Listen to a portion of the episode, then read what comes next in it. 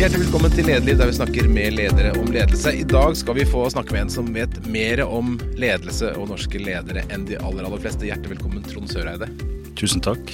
Du er direktør i AFF, som er kjent for bl.a. å drive forsknings... Eller drive Solstrøm-programmet, som driver med lederutvikling. Og så er det koblet til Handelshøyskolen i Bergen, på en måte? Ja. Vi er en, eh, en frittstående stiftelse, men med tett eh, tilknytning til eh, NHH, Norges handelshøyskole, eh, og har vært det siden vi ble etablert i 1952, faktisk, av en professor på Handelshøyskolen.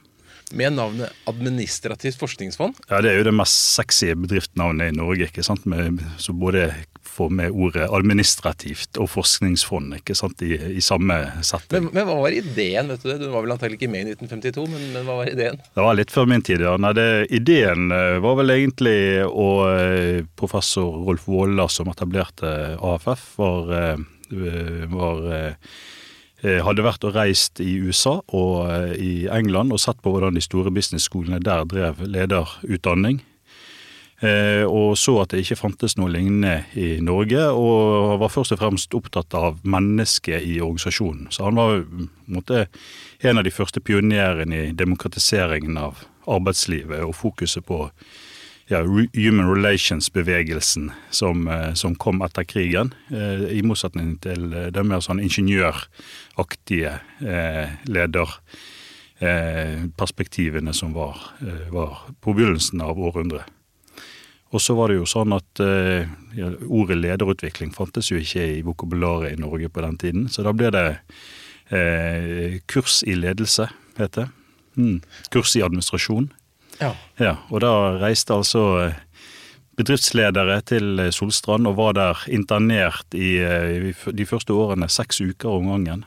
Eh, bodde på flermannsrom eh, og eh, lærte av og med hverandre. Det er Solstrand det er altså Solstrand hotell i Os, rett utenfor Bergen. Det stemmer. Jeg har gått Solstrand-programmet, det er helt fantastisk. Mm. Eh, men jeg har også truffet da folk som var gamle, som gikk på Solstrand-programmet på 60-tallet og sånn. En fortalte at da var det bare mannfolk som var. Mm. Eh, og de var der lenge, og de jobbet. Og når de skulle gjøre oppgave, da, da fikk de fløyet inn sekretærene sine så de kunne skrive på maskin. Ja, det, det var veldig praktisk den gangen. Ja. men, mm. men Solstrand-programmet lever i beste velgående fortsatt? Absolutt. Eh, vi har et nytt program som starter, de pleier å starte i månedsskiftet april-mai. Og, og, programmet som starter i år, det var fulltegnet før jul, som er kanskje en ny rekord på veldig, veldig, i hvert fall så langt tilbake igjen som vi kan se. Og Beskriv hvordan sånt program ser ut. Hvor mange mennesker er det? Hvordan, hva gjør dere for noe? I dag er programmet 48 eh, deltakere eh, fra eh, virksomheter på tvers av sektorer. de aller fleste er toppledere, eller alle er toppledere, eh, med ledererfaring. Så de bringer erfaring til torgs. Og det er vel eh, kanskje det vi har igjen fra Vålers grunnidé, det er å bringe folk sammen for at de skal lære av og med hverandre. Eh, så det er ikke et kurs som gir studiepoeng. Det, det er en møteplass der ledere kan eh, utvikle seg selv og hverandre i et uh, forpliktende fellesskap. Ja, For det er lite lesing, man trenger knapt lese en bok i det hele tatt? Det er mye man, prat? Det er mye prat, ja. For oss, uh, meg sjøl inkludert, som også har gått på programmet. Uh, introverte, så, så, er det ganske tøff jobb med så mye verbal formidling og påkoblethet ja, døgnet rundt i 14 dager om gangen. Og da er det flere slike intervaller? Ja, i dag er programmet organisert med fire samlinger. Tre av de på to uker og én på en litt lang uke. Men dette har jo vært endret over tid. Altså Selve strukturen har vært justert på siden første program i 1953. Og myten er jo at da blir dette river folk helt i filler, og de endrer personligheter, blir skilt, og alt bytter jobb, og alt blir forandret? Ja, de, de mytene der er ganske seiglivete. Jeg vet at vi for noen år siden så tenkte vi at vi måtte jo finne ut om dette stemte, da, om folk byttet jobb og, og ble skilt. Men det viste seg vel det at folk i den alderen som går der, de de, en del av oss har jo en tendens til å bytte jobb, og, og, mange blir skilt, så det var ikke en større prosent av de som hadde gått på Solstrand-programmet det man forventet å finne ellers i samfunnet. Så, Men hva sier deltakerne er det viktigste man får igjen for å være gjennom et sånt program? De fleste har nok eh, blitt kjent med seg sjøl på en annen måte. og har forstått hvordan de sjøl virker på andre, og hvordan andre virker på de. Det tror jeg, det tror jeg er en sånn gjennomgangserkjennelse som kommer ut av, av programmet. Og så vil jo det fremstå veldig ulikt fra, for ulike deltakere. Men, eh, men, mange har eh, Noen forteller jo at de har oppdaget helt nye sider med seg sjøl, eh, som de kan bruke i lederjobben. Og noen finner jo selvfølgelig ut at de er på feil kurs her i livet, og kanskje må bruke seg selv på en annen måte. Så her har du liksom mange utfall.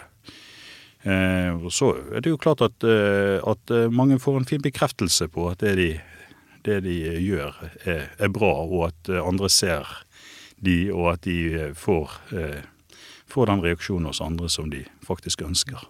Det som er fascinerende, er jo at i våre dager så skal alt gå så veldig fort. og veldig mye digitalt. Sånn, Solstrømpe er jo ganske treigt og veldig lite digitalt. Blir ja. Se utover havet og snakke sammen.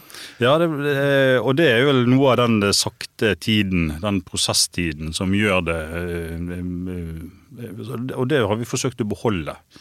For det er ikke noe galt at ting skal gå raskt og at vi skal lære i mikrokurs og, eh, og få raske impulser. Men noen prosesser trenger også tid, og, og, og læring er jo en grunnleggende sånn tidsprosess der eh, spesielt sånn erkjennelseslæring tar tid. Eh, og det er jo den vi prøver å legge rammene for der ute. Og så må deltakerne komme deltakerne inn med de ja, eh, både ressursene de har, og de utfordringene de har inn i programmet, og ta de med seg. Så eh, Vi sier jo det at det er jo deltakerne her som, som gjør programmet. Eh, vi eh, lager noen rammer for læring, og deltakerne fyller det med innhold. Så deltakerne er veldig aktive i å utvikle hverandre. Og det er en veldig fin sånn måte å jobbe på. Mm. Men i tillegg til det programmet så har dere i AFF da en ganske stor konsulentvirksomhet. Dere hjelper ledere og ledergrupper å bli bedre? Ja, eh, og, selv om det Solstrand-programmet og de to andre åpne programmene vi har, som heter Accelerate og Samspill og ledelse, er som flaggskipene våre, så er jo, hvis du måler det i omsetning eller i aktivitet, så er jo det er jo konsulentvirksomheten som, eh, som er den dominerende aktiviteten i virksomheten vår. Så det vi gjør, det er å hjelpe norske virksomheter, eh, enten private bedrifter eller offentlige virksomheter, med å utvikle lederskap og også eh, endre, altså den menneskelige endringsdelen i, i organisasjonsutvikling. Og da med det store materialet du har, sånn fugleperspektiv, er det mye dårlig ledelse fortsatt i norsk uh, offentlige og private bedrifter? Virksomheter?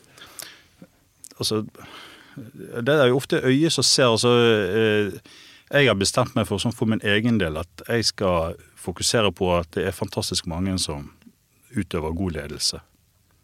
Og så er vi selvfølgelig alle, vi er jo mennesker alle sammen, og også meg sjøl inkludert, kan jo selvfølgelig håndtere enkelte situasjoner bedre. Hvis jeg ser tilbake igjen, så er det ting jeg kunne ha gjort på en annen måte.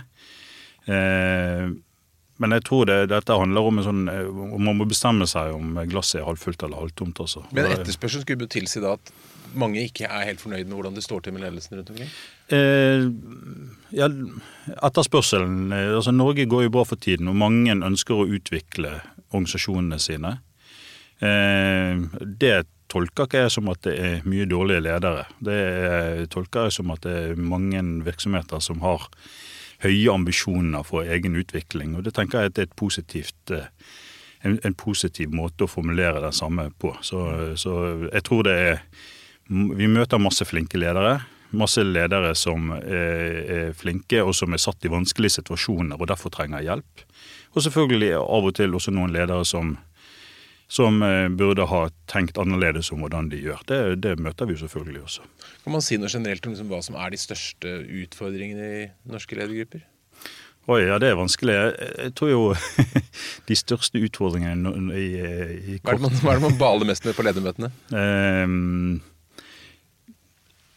norske ledergrupper er vel veldig ofte saksorienterte. Eh, de jobber med flinke folk. Eh, de som sitter i ledergruppa, er jo så sett dyktige, eh, kunnskapsrike.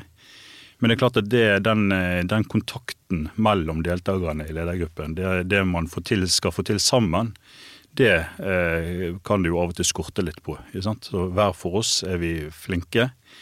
Eh, hver for oss følger vi opp våre målområder. Eh, hver for oss eh, eh, leder vi våre egne deler av organisasjonen. Men det er ikke alltid vi får til å samhandle som ledergrupper for å skape en merverdi av, av det å være i ledergruppe. Så da blir det ofte litt sånne eh, bilaterale samtaler med tilhørere til. Eh, Eh, og det er jo ikke alltid at det har sånn, sånn stor verdi. Så gruer man seg til å gå på ledermøte, for da at det, det liksom gir meg ingenting. Det er bare en greie jeg må gjennom en gang i uken eller en annenhver uke.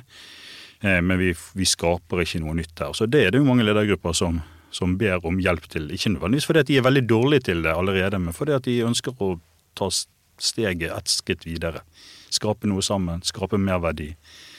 Eh, se eh, det er jo også en sånn um, gjennomgående at, at, at når um, eh, når hver og en eh, er opptatt av eget, eh, sin egen måloppnåelse, så er liksom totaliteten og min, konsekvensen av min aktivitet på din aktivitet er jo også en sånn ting som ofte man, man ikke setter så stor fokus på. Hva, hva kan jeg gjøre for å gjøre deg til en bedre leder? Og da kan jeg hjelpe deg til å eh, nå dine mål, og hvordan kan du hjelpe meg til å nå mine mål. Så det er Mange ledergrupper som spør om den type hjelp til å komme et steg videre.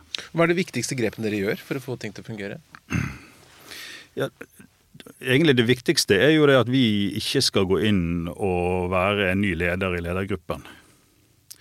Eh, så det å hjelpe ledergruppen til selv å eh, adressere de problemstillingene som av og til ligger litt uuttalt midt på bordet, Eh, det kan jo være konflikter som, som, alle vet om, men ingen snakker om. Men det kan jo også være type sånn insentivsystemer som, som gjør at folk eh, blir opptatt av å, å, levere på egne resultater og tenker stakker, heldigvis at jeg ikke er deg, stakkars deg, nå har du problemer.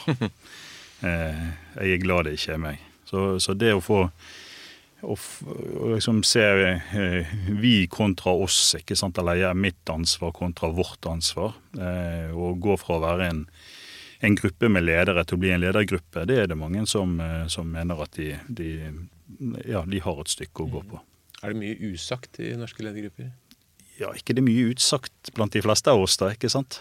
Og noen ganger så så eh, det er jo ikke sånn at alle mennesker liker hverandre eller får til å jobbe godt sammen. ikke sant? Så, så, men vi aksepterer jo hverandre. Men av og til er det jo kanskje nødvendig å, å adressere ting som er blitt liggende lenge uadressert. Og det kan være en eh, lettelse å få, få, noen felles ord på det som, som ligger der. Eh, og da kan det være fornuftig å få inn en konsulent som kan Eh, gjøre det på en litt sånn en OK måte. Mm. Eh, men for oss er det jo viktig at, at, å jobbe Vi pleier å si at vi må jobbe gjennom lederen i gruppen, sånn at vi ikke vi plutselig blir en, en av aktørene i den gruppen. Og vi skal ikke være en ny leder i gruppen. Vi skal hjelpe gruppen til å fungere bedre. Og da må vi også jobbe veldig aktivt gjennom den som er leder for gruppen, for det er han eller hun som skal være der i morgen når vårt oppdrag er over. Mm. Dere er sånn ca. 50 konsulenter? Jeg ser jeg noen og 40 konsulenter ja. per i dag. Mm. Hva slags kvaliteter eller hva slags utdanning bakgrunn utgangspunkt har de for å klare den oppgaven? Nei, utdanningsmessig eh, er vel eh, de, den, stor, den, største gruppen er ulike former for psykologer. Enten kliniske psykologer eller organisasjonspsykologer. Så har vi pedagoger, statsvitere, eh, økonomer. Så vi har ganske bredt tilfang av, av kompetanser. Men felles for de fleste er jo at de er opptatt av mennesker og hvordan mennesker fungerer sammen. Og så har de litt ulike tilnærminger til det. Så noe av, min jobb som, som direktør er jo å finne riktig match mellom et kundebehov og en et eh, konsulentprofil som kan være til hjelp i den enkelte problemstillingen. Du er selv eh, statsviter og kom til denne jobben for eh, ja, Dette er fjerdeåret ditt nå. Så kom du fra, fra helsevesenet. Det å gå inn og skulle lede liksom, de beste konsulentene på ledelse i Norge, det er en ganske spennende utfordring å påta seg. Var, ja, var du i tvil? Jeg var i tvil, ja. Jeg brukte lang tid på å bestemme meg til å si ja. Det gjorde jeg. Eh, og hadde en lang sorgprosess og skulle slutte der jeg var. Så, så, men, men, jeg var ikke i tvil for sånn at jeg, jeg syns det var veldig spennende å kunne prøve hodet mitt på andre problemstillinger enn de jeg hadde jobbet med i veldig mange år. Jeg var 17 år på sykehuset. Men hvordan går det? Og dette, dette er altså Helse Bergen? Ja. Men hvis du, når du da første dag på jobben da, som, som ny administrerende direktør for disse fantastisk flinke ledelseskonsulentene, hvordan tenkte du for at du skulle bli en bra leder for dem? Jeg tenkte jo egentlig at jeg må jo bare fortsette å gjøre det jeg kan. Jeg kan jo ikke være en annen person fordi at konteksten eh, endrer seg. Så eh, det var, det var en stor overgang på en måte i forhold til det vi gjør. Men, det, men jeg var jo veldig vant til å omgås eh, flinke, eh, ærekjære, motiverte medarbeidere. Og det hadde vi jo masse av på sykehuset også. Så i den forstand var jo ikke forskjellen så så veldig stor. Det er Mange av de menneske, samme mennesketypene og samme driverne som ligger til grunn for de, finner du jo både i et sykehus og i en sånn kompetent konsulentorganisasjon. Men så er det jo klart at noen andre ting, altså de omstendighetene rundt, det er jo forskjellig. Sant? Det kommersielle i det og sånt er jo veldig ulikt. Men, men jeg tenkte at jeg får nå bare være den jeg er, så får det nå gå så det går. Mm. Og hvis det ikke går bra, så finnes det sikkert et annet sted for meg å være i, i fremtiden. men, men, du tenker at hvis man er god til å lede eh, et sted, så har man gode forutsetninger et annet sted også? Jeg, jeg, tror ikke at eh, Jeg tror det er mange sektorer som jeg ikke hadde fungert å være leder i. Så jeg tror at kontekst er veldig viktig. altså De omstendighetene du står i som leder, eh, betyr veldig mye. Det betyr ikke at man ikke kan vandre mellom bransjer, men, men det, det, For de fleste ledere er det jo en stor fordel å forstå hva man holder på med. Eh, og det mener jo jeg at jeg gjorde når jeg begynte i AFF. Jeg hadde jobbet med, med personal-, organisasjons- og HR-feltet i, eh, i, mange år, så jeg, hadde faktisk hatt AFF på, på leverandørlisten i perioder, og sånn at jeg visste jo hva man jobbet med og hvilken organisasjon dette var. Så du har både vært eh, deltaker på Solheim-programmet, har brukt AFF som konsulenter i din tidligere jobb, og nå konsulent og leder selv. Så du har sett det fra alle sider? Absolutt. Og jeg har også, eh, også latt være å, å, velge AFF. Så ja. Så jeg har både valgt og ikke valgt. Men La oss bruke litt tid på helsesektoren, for du var jo da i Helse Bergen i veldig mange år. 14 år. Um, hva altså ledelse i helsevesenet kan man få litt sånn variert inntrykk fra på utsiden. Det virker som et veldig komplekst system. Veldig komplekst system. Veldig spennende. Utrolig motiverende og lærerikt.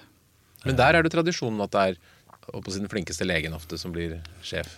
Det var vel det tidligere. Jeg har ikke det inntrykket i dag. Eh, at det var Eh, nå er det jo eh, Det var jo en stor reform tidlig på 2000-tallet med enhetlig ledelse som gjorde at man mm, gikk vekk fra dette med profesjonsstyrte ledelseslinjer i sykehus. Og, og det har vært et veldig stort fokus på utvikling av lederskap i, i sykehusene. Så der har man gjort veldig masse flotte, flotte løft. Mm. Skjedde store forandringer i årene du var der? Ja, absolutt. Jeg var med på hele den reisen. Jeg ble ansatt der nesten nyutdannet i 99 og var der til 2016, så jeg har vært med på en lang periode. Flere enn de 14 årene jeg sa, så jeg har dårlig research, men, men, hva Går det an å lage en sånn avsjekkingsboks? Hva er det som kjennetegner god ledelse? Hvordan kan man se f.eks. at et sykehus er godt ledet? Mm. Nei, øh, øh, øh, si, du kan jo ofte se det på selvfølgelig på styringsparametere som du kan i andre bransjer. Skaper man resultater, har man eh, på et sykehus har man eh, kontroll på ventetider, eh, på, på kvalit andre kvalitetsparametere, selvfølgelig på økonomien og de andre tingene som man er opptatt av.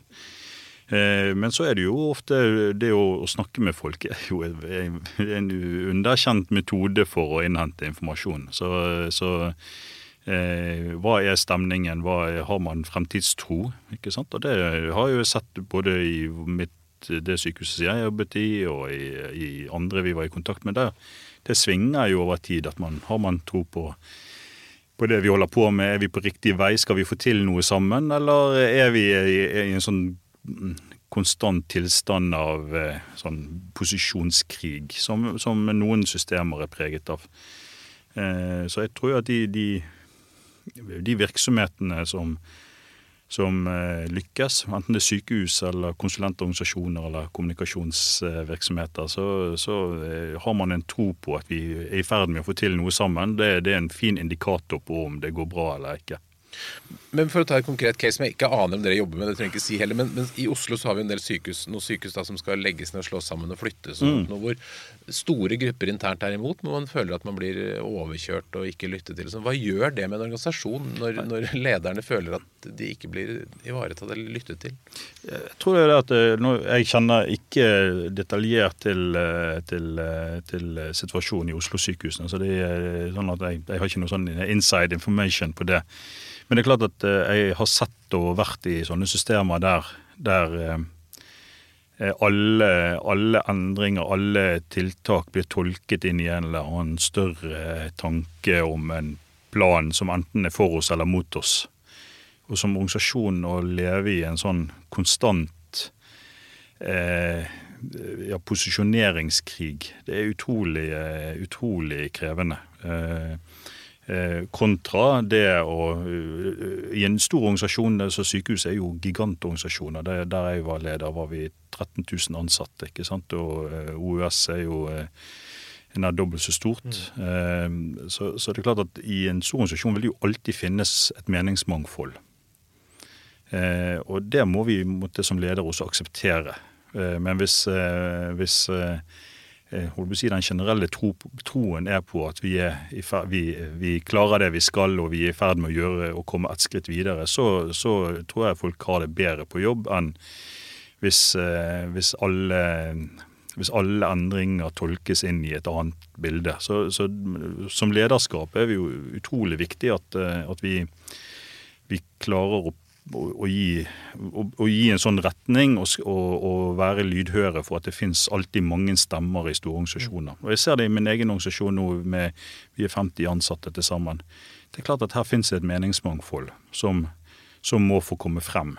Eh, det betyr jo ikke at nødvendigvis at man skal løpe i alle retninger ettersom folk har meninger, men, men eh, det må være legitimt. og komme med innspill, og de må bli lyttet til og bli tatt seriøst. Og så, og så er det jo vår jobb som leder å, å velge noen retninger å gå i da, eh, i etterkant. Men, eh, men, det å finne den balansen mellom å, å slippe til perspektiver og likevel eh, gi en ramme og tro på utvikling, det tenker jeg det er kanskje den store utfordringen for ja, for det, kunnskapsorganisasjoner. I en stor organisasjon med, med, kanskje tusenvis av mennesker som føler at det er på feil kurs, da, det må jo ha store kostnader både økonomisk og ikke minst menneskelig? Absolutt. Ja. Og det, det, det, det, mye, det blir mye friksjon ikke sant, overalt. Alle prosesser blir omfattet av friksjon. Og det er klart at det sliter, sliter på oss. Og det, skaper noen spenninger også fordi at ja, spesielt i sykehus så er jo veldig mange der fordi de har en uh, genuint ønske om å gjøre noe bedre for noen. Så det å, å stå i en spenning der du på den ene siden vil gjøre noe bedre for noen, for, for pasienten, gruppen som du eh, jobber med, og samtidig liksom opplever at eh, man blir motarbeidet, eller at virksomheten beveger seg i en annen retning, det, det er klart at det, det, er krevende eh, for folk. Så jeg tenker jo at vi som er ledere, må Vi må Eh, tåle også at det finnes et meningsmangfold i organisasjonen. og Til en viss grad må vi jo akseptere det, men det, det, det, betyr jo ikke at vi ikke skal lede eller sette rammer. Så det å finne den skjøre balansegangen mellom å akseptere og, å sette noen rammer, den, det tror jeg er det som vi må jobbe spesielt mye med. Men vi ser jo ledere som ikke fremstår så veldig lyttende, men ganske autoritær og kjører gjennom ting uten å lytte til eksperter. Hva, hva, hva er det du tror skjer i hodet til de lederne? Hvorfor er det sånn? jeg tror jo det at eh, Og jeg har jo vært i den type situasjoner sjøl, både i, i, den jobben jeg har nå og i andre jobber, der du må ta noen valg. Og veldig ofte så kommer vi som er ledere tidligere til de valgene enn de vi skal formidle valgene til. Eh, så det blir tidligere klart for oss hva som er lurt og rett å gjøre, og mange av oss forholder oss en, på en sånn ja, vi er kanskje kommet gjennom den emosjonelle delen av beslutningen og, og, er klarer å være klart, eller prøver å være klartenkte. da. Det er ikke sikkert vi klarer det, men vi prøver. Eh, og så eh, anerkjenner vi ikke at den tvilen som vi sjøl hadde en periode, den usikkerheten vi sjøl hadde før vi falt ned på et valg, den kan også andre stå i, og som ikke har vært gjennom den samme prosessen som oss. Så vi glemmer at vi ligger foran? Ja, vi glemmer at vi ligger foran, og vi glemmer at, eh, at, eh, at, eh, at, at det kan finnes andre måter å se den samme situasjonen på som ikke nødvendigvis er feil. Det er et annet perspektiv som, som også må være legitimt å trekke frem. Men når det da begynner å stilles spørsmål ved en beslutning, og det, skapes, det blir uro i organisasjonen, så vil vel lederen ofte ha et behov for å fremstå enda tydeligere og sterkere, og det er ikke sikkert det er den beste løsningen? Nei, og, og, og vi, vi, vi, blir litt mer tydelige, litt mer høyrøstet, eller vi, kanskje noen av oss eh, gjemmer oss litt på kontoret, unngår de verste konfrontasjonene, ikke sant. Eh, det, det er jo også eh, Vi har jo ulike som mennesker har jo ulike sånn, strategier for å håndtere eh, usikkerhet. ikke sant? Og, og, og, det er ikke sikkert at den strategien vi har, er produktiv i forhold til det vi ønsker å oppnå. Så det kan, man kan egentlig kanskje gjøre vondt verre noen ganger? Noen ganger. Og dette er jo de tingene som eh, de av oss som har gått, går på Solstrand, eh, får en anledning til å eksperimentere med og snakke med andre om og høre andres erfaringer på. Så det er jo et typisk eksempel på at, eh, at Solsand-programmet kan være en hjelp for oss. For, for uh, den strategien jeg velger, eller som faller meg mest naturlig, er ikke alltid den mest hensiktsmessige eh, strategien. Så det, jeg sjøl hadde en veldig lærdom av det. Å prøve å finne ut ja, når jeg gjør dette, hvordan oppfatter andre det? For det er ikke sikkert at eh, de leser meg på den måten som, eh, som eh, du har lest motsatt. Ja. Du kan nesten være sikker på at de andre ja. ikke leser det sånn som du tror. Ofte blir det sånn, dessverre. Men på Solstrand-programmet så er dere veldig opptatt av i denne gruppen på 48 da, å få en miks mellom uh, kvinner, menn, offentlig, privat osv. Hvordan mm. går det? Hvordan ser miksen ut for tiden? Uh, miksen mellom kvinner og menn er jo sånn som den bør være. Eh, og kretser rundt 50-50, eh, ikke sant. Så, og, og offentlig-privat eh, Nå er det jo interessant, i Norge så har vi jo et ganske stort Det er lett å si at noe er offentlig og noe privat, men veldig mye er jo et sted imellom. Ikke sant. Du har offentlige selskaper som er kommersielle, og private selskaper som er ideelle. Mm. Så vi har egentlig hele kontinuumet fra det det mest kommersielle til det mest ideelle. Og til og med så, så eh, har vi jo en sånn eh, vi, vi, inviterer med oss eh, også eh, ledere fra ideelle organisasjoner. Eh, vi har en ordning der ideelle organisasjoner kan søke om friplass på programmet.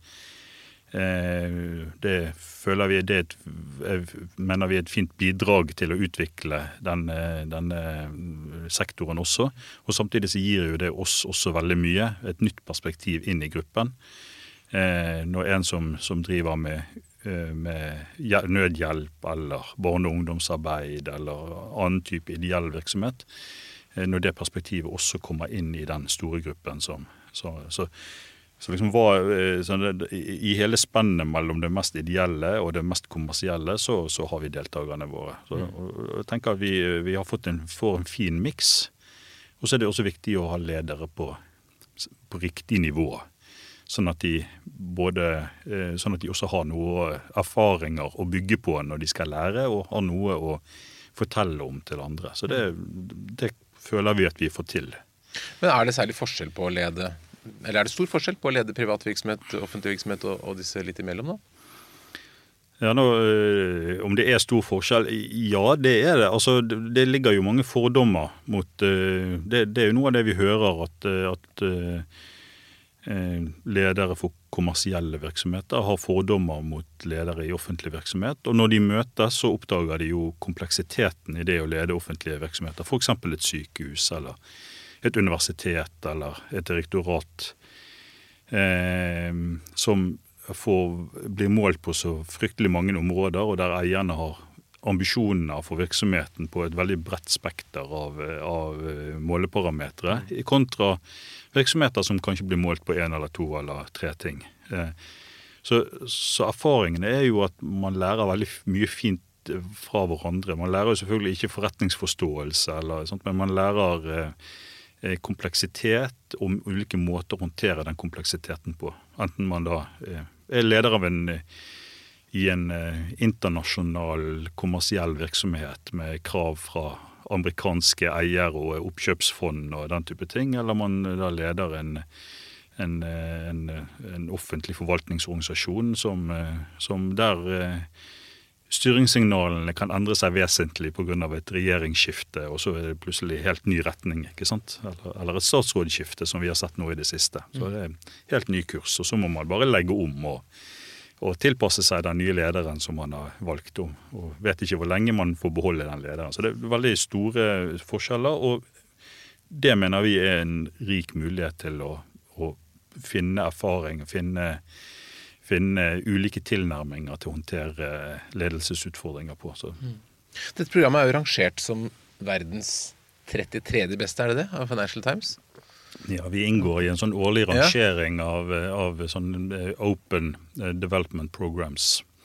Eh, og scorer, Dette gjør vi jo sammen med Handelshøyskolen og skårer da veldig flott. Vi syns jo det er helt fantastisk. Vårt mål er å være på topp 50. Og når vi da tenker på hvor lite land vi er, og hvor, liten, hvor små byer vi har og hvor få folk vi er, så tenker vi at det å bare være på den listen, det er for oss en kjempeseier. Hva er det som gjør at dere er det? Eh, det deltakerne gir tilbakemelding om, det er eh, måloppnåelse. Eh, kvaliteten på staben, altså de som er gruppefasilitatorer og undervisere. Eh, og eh, design eh, på utviklingsprosessen. Så vi scorer ganske høyt på de parametrene vi har lyst til å score høyt på. Mm. Og så er det jo ganske spesielt, opplever jeg i hvert fall, som har deltatt her, at man er så knyttet til dette gamle, rare hotellet på Solstrand. Ja, det er helt fantastisk. sant?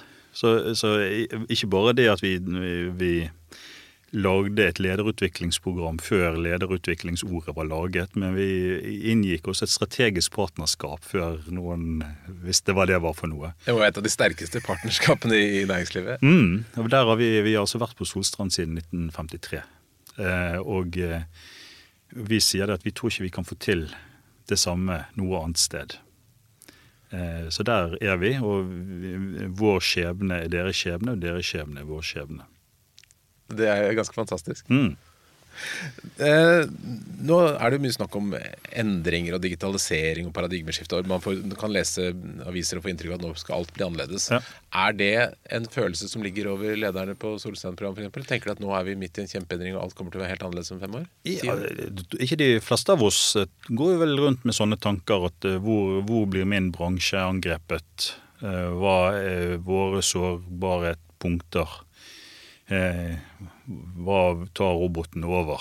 Så Det er nå den ene den utfordringen. Den, som, som konsulentorganisasjon og som programgjennomfører, så er det klart at vi, vi, står i den. Og Samtidig så Jeg pleier å si det at, at når virksomheten er gjennomdigitalisert og robotene har overtatt, så er det fremdeles noen mennesker igjen. Og de menneskene som da er igjen i virksomheten, de blir bare enda viktigere for virksomheten. Så det vi egentlig ser, det er at de bransjene som er kommet lengst i denne digitale reisen, det er også de som etterspør mest av eh, eh menneskeutvikling. Det, så blir, ledelse blir ikke digitalisert bort? Nei, de lederne det er jo fremdeles eh, nøkkelpersoner igjen i virksomhetene. Det er fremdeles funksjoner som skal dekkes, og strategier som skal lages, og, eh, og samhandlingsproblemer mellom forretningsområder og sånt, de, de vil jo være der. Og så kan det jo være et større eller mindre innslag av det digitale. Så eh, for vår del så ser vi jo dette ikke som en sånn Det er en endring av rammebetingelsene. Det er ikke noen sånn trussel i den forstand. Men vi må kanskje bare vi må forstå, selvfølgelig forstå mer av de endringene som virksomhetene står i. Det må vi jobbe med. Og så må jo vi også finne ut hvor skal vi Eh, hvor skal vi eh, legge om den måten vi jobber på? Når skal vi jobbe eh, si, analogt i møte mellom mennesker? Og hva kan vi legge ut i mer sånne digitale kanaler? Hva kan vi, hva kan vi gjøre på Skype av møter, og hva kan vi gjøre, hva, når må vi snakke sammen? Når må vi sitte overfor hverandre, sånn som vi gjør nå, sånn at det blir kontakt? Eh, så, det, så, vi tror ikke at lederutviklingen flytter seg ut av, av rommene eh, og menneskekontakten og, og over i, i, digital interaksjon. Men det er helt klart at noen ting kan fint gjøres på den måten. Det gjør vi allerede i dag. I uh, utviklingsprogrammer sånn som Solstad-programmet og i arbeidet deres, så, så um, åpner folk seg veldig opp, som du sier. Man forteller mm. om personlige opplevelser. Er det mye tristhet og sorg i norske lederrom? ja. jo, men Man hører, man ser ofte bilder av suksessene, men, men, det er jo en bakside her òg. De fleste av oss har jo en eller annen bagasje vi har med oss eh, når vi kommer dit vi er. Eh, bagasje i den forstand at vi har hendelser i livet vårt som, som har påvirket oss eh, veldig. Eh, eller kanskje til og med noen av oss har kommet der vi har kommet uten å møtt på så mange motbakker. Og når den første motbakken kommer, så blir den ekstra tung. Så eh, jeg tror jo at eh, norske ledere er som de nordmenn flest. Vi har med oss eh, ting vi har fått til og ikke har fått til gjennom. Og det som jeg syns var mest interessant når jeg gikk på programmet, var jo å jobbe litt rundt tenkningen. Hvordan tenker jeg om det som gikk galt, eller det som var en vanskelig fase av livet mitt? Eh, man kan jo tenke at dette er noe som jeg har med meg som en, en, en bør i ryggsekken resten av livet. Men av og til så kan man jo tenke seg at jeg kommer jo meg gjennom det. Så det å bruke også de erfaringene man har som en ressurs eh, Som at hvis jeg klarte Når jeg klarte det, så skal jeg nå i hvert fall få til. Sant? Så historien, hvordan skriver vi historien om oss sjøl?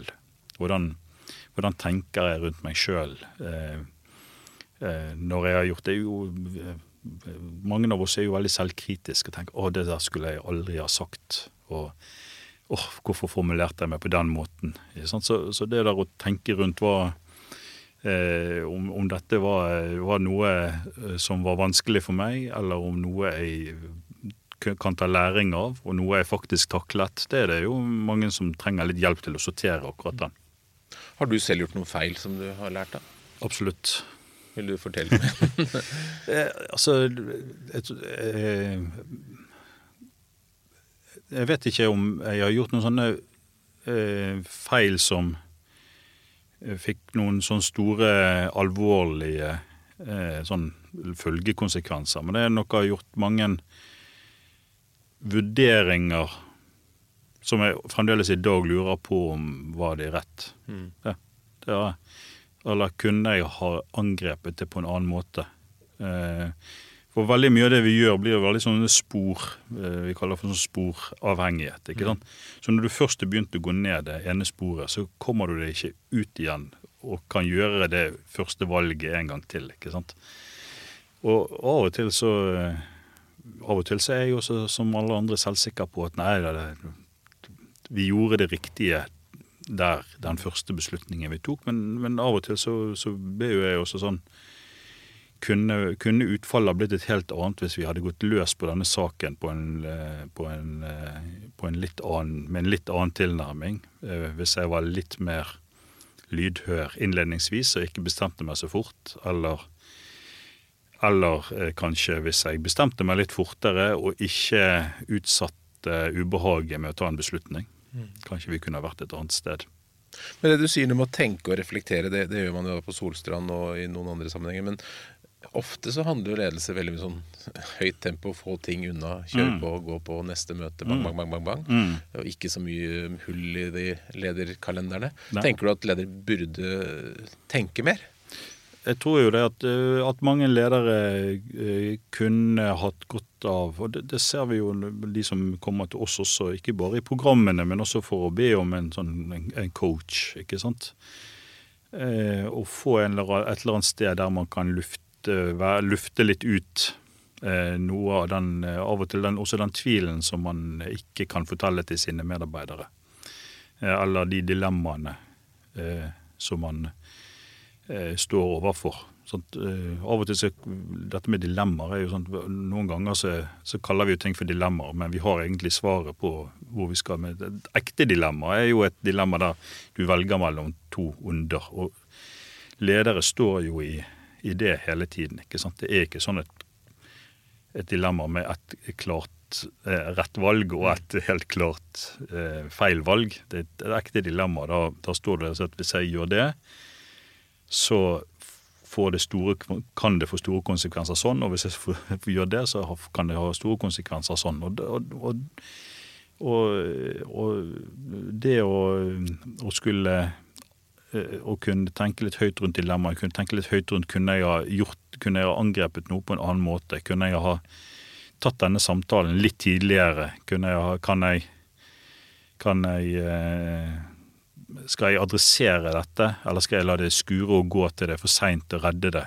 Noen av de der dilemmaene eh, kan det være fornuftig å, å, sette av noen rom til å reflektere rundt selv, eller skaffe seg en, en sin livspartner, eller en profesjonell, eller en god venn, eller sant, til å ha og kunne, kunne diskutere med. Og, og, ikke nødvendigvis bare få sånn bekreftelse på at ja, du gjør alt rett, men, men stille spørsmål. Mm.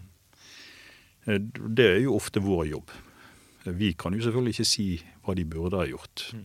For det, vi, det er ikke vi som er ledere, og vi forstår selvfølgelig ikke den virksomheten like godt som, som lederen gjør. Men vi kan, eh, vi kan eh, undre, litt, undre oss litt sammen med de, og kanskje stoppe litt opp og sette i gang noen tankebaner som man ikke vanligvis eh, får satt i gang. Hvis det kommer en ung person til deg som da kanskje er på vei inn i sin første lederrolle, mm. og sier kan du, kan du, gi tre råd til hva skal man gjøre for å lykkes som leder? Oi, den var vanskelig. Ja, det er vanskelig. Ja. hva skal man gjøre som å lykkes med leder? Jeg tror jo at det å eh, eh, Hvis man skal lykkes som leder, så må man for det første forstå hva man leder. Det tror jeg generelt, det er et generelt råd. Så skal man være leder i en industrivirksomhet, så må man forstå hva man lager. og skal man lede et kommunikasjonsbyrå, så må man forstå litt om det. Og skal man eh, jobbe på sykehus, må man forstå dynamikken på sykehuset og de utfordringene som er der. Ehm, så det å forstå det man gjør, og eh, eh, så bør man utvikle en eh, viss grad av lydhørhet, en ydmykhet på at det fins flere, alltid flere måter å se på en utfordring på. Mm. Så det tror jeg ville vært råd nummer to. Mm eh, og så må man jo utvikle en robusthet eh, til slutt. For dette syvende og sist så skal jo du gjøre noen valg i, disse, i dette mangfoldet av meninger. Så er det til slutt du må, må gjøre noen valg. Og den robustheten eh, med at Det har jeg jobbet mye med meg sjøl, med å si liksom at eh, hva er, hva er rollen Trond, og hva er Trond? Eh, hva skal jeg akseptere å ta med meg? Jeg vet at folk mener mye om meg. Er det alt det, Skal jeg ta med meg alle de meningene og mm. gå og kjenne på de? eller skal jeg tenke at folk får mene det de vil? Så det er litt tøft å være leder? Det, det kan jo være det i enkelte sammenhenger. Og, og det å det har, det har, jeg sagt til meg sjøl mange ganger, at, at uh, nå har jeg gjort det jeg kan. Og hvis ikke det er bra nok, så får jeg finne på noe annet. Så forståelse, ydmykhet og robusthet. Ja. Gode stikkord. Mm. Trond Søreide, hjertelig takk for at du kom til Lederliv. Ja, tusen takk for invitasjonen. Lederliv er en podkast fra Apeland. Redaksjonen består av Ellen Paulsen, Lars Jarle Melum, Lars Volden og meg, som heter Ole Kristian Apeland. Hvis du vil høre mer, så trykk abonner. Da får du varsel når det kommer nye episoder. Og hvis du har noen tips, så send en e-post til tips.lederliv eller til meg, ole Takk for at du lytter.